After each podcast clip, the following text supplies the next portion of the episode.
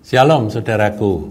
Saudara, saya berharap Anda semua di tahun 2024 ini sudah memiliki akan buku kecil yang luar biasa ini, yaitu rangkuman ayat-ayat firman Tuhan untuk pengakuan iman. Kita sudah belajar bahwa firman itu tidak jauh, tapi dekat dengan kita, yaitu ada di mulut kita dan ada di hati kita dan firman itu kita tahu adalah Tuhan Yesus sendiri ya. Tuhan Yesus adalah the living word, dia firman hidup yang telah menjadi manusia. Nah, bagaimana kita mempraktekkan akan kedekatan kita dengan Tuhan Yesus? Mari kita mengucapkan firman dengan satu pengakuan. Bibir mulut ini dipakai untuk ngaku bahwa kita sepakat setuju dengan firman yang memang sudah kita terima dan kita yakini dalam hati. Nah, saudara, kalau Anda belum punya bukunya, Anda dapat uh, memperoleh di kantor gereja. Uh, harganya tidak mahal, tapi kalau saudara merasa terlalu mahal ya saudara bisa ambil tanpa bayar.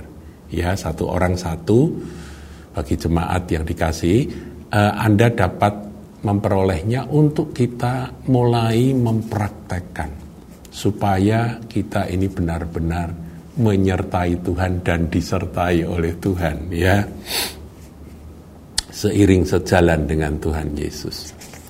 Nah, di sini ada cara-cara bagaimana kita melaksanakan akan latihan rohani tersebut. Ada caranya.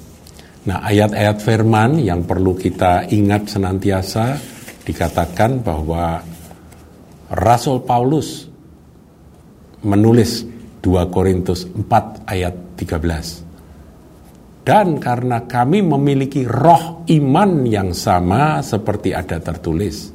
Aku percaya sebab itu aku berkata-kata. Nah, saudara kalau Anda percaya, percaya pada Tuhan Yesus, apakah Anda berkata-kata? Perkataan yang cocok dengan apa yang difirmankan. Kalau kita percaya pada firman, mari kita memperkatakan firman. Begitu ya. Maka kami juga percaya, Rasul Paulus katakan kami juga percaya dan sebab itu kami juga berkata-kata. Jadi Paulus bukan hanya batin percaya dalam hati, tapi dia berkata-kata dengan mulut. Mari kita gunakan mulut kita untuk memperkatakan firman Tuhan. Nah, Saudara, ketika kita memperkatakan firman, itu dikatakan dalam Roma 10 ayat 17, jadi iman timbul dari pendengaran dan pendengaran oleh firman Kristus. Iman itu akan timbul ketika telinga kita mendengar firman Kristus. Ketika mulut kita mengucapkan ayat-ayat firman yang kita akui, itu telinga kita sendiri mendengar, ya.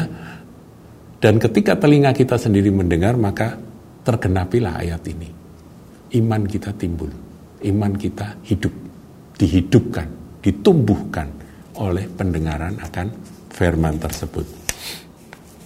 Dan firman yang keluar dari mulut Tuhan itu tidak pernah kembali sia-sia, saudaraku ya. Dia akan melaksanakan apa yang dikehendaki oleh Tuhan dan berhasil dalam apa yang kusuruhkan kepadanya, kata Tuhan. Itu Yesaya 55 ayat yang ke-11. Dan tentunya kita tidak lupa dengan firman yang sering kali menjadi hafalan buat kita ya, yaitu Amsal 18 ayat 21. Bunyinya apa saudara? Hidup dan mati dikuasai lidah.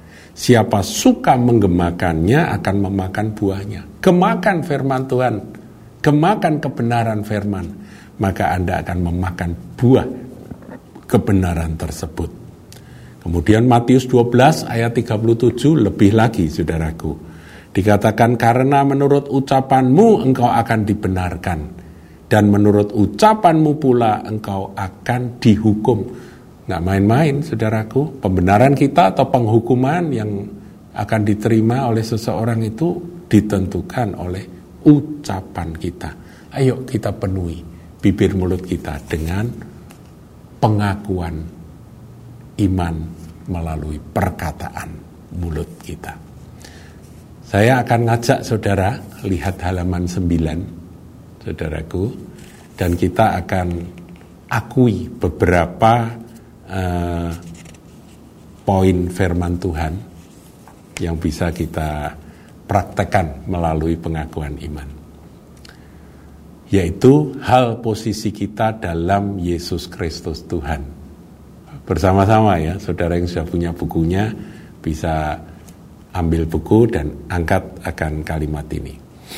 Roma 3 ayat 24. Oleh kasih karunia aku telah dibenarkan dengan cuma-cuma karena penebusan dalam Kristus Yesus. Roma 8 ayat 1. Demikianlah sekarang tidak ada penghukuman bagiku yang ada di dalam Kristus Yesus. Berarti aku tidak dihukum karena aku ada di dalam Kristus Yesus. Amin. Roma 8 ayat 2. Hukum roh yang memberi hidup telah memerdekakan aku dari di dalam Kristus dari hukum dosa dan hukum maut. Berlaku hukum dosa di dunia ini. Berlaku hukum maut di bumi ini tetapi ada hukum roh yang memberi hidup yang telah membebaskan aku dari keduanya. Haleluya. 1 Korintus 1 ayat 30. Oleh dia aku berada di dalam Kristus Yesus yang oleh Allah telah menjadi hikmat bagiku. Ia membenarkan dan menguduskan dan menebusku. Membenarkan, menguduskan, dan menebusku. Amin. 2 Korintus 2 ayat 14. Syukur bagi Allah yang dalam Kristus selalu membawa aku di jalan kemenangannya. Saya tambahi sepanjang 2024. Dengan perantaraanku, ia menyebarkan keharuman pengenalan akan dia, akan Kristus di mana-mana. Sepanjang tahun 2024, aku akan menyebarkan keharuman pengenalan akan Kristus itu di mana saja. Amin. Ya, ini sebagian saudaraku, saudara bisa lanjutkan akan pengakuan iman ini dengan terus dan ini ada banyak, ada juga untuk kesembuhan, ada untuk uh, apa? Kelepasan, ada untuk kasih ya. Jadi ada topik-topiknya. Luar biasa saudaraku, dan saya sungguh berharap jemaat yang mempraktekkan ini akan mengalami pertumbuhan rohani yang dahsyat luar biasa, iman diteguhkan, kuasa Allah nyata dalam hidup, berhasil dan beruntung menjadi bagian kita. Tuhan Yesus memberkati.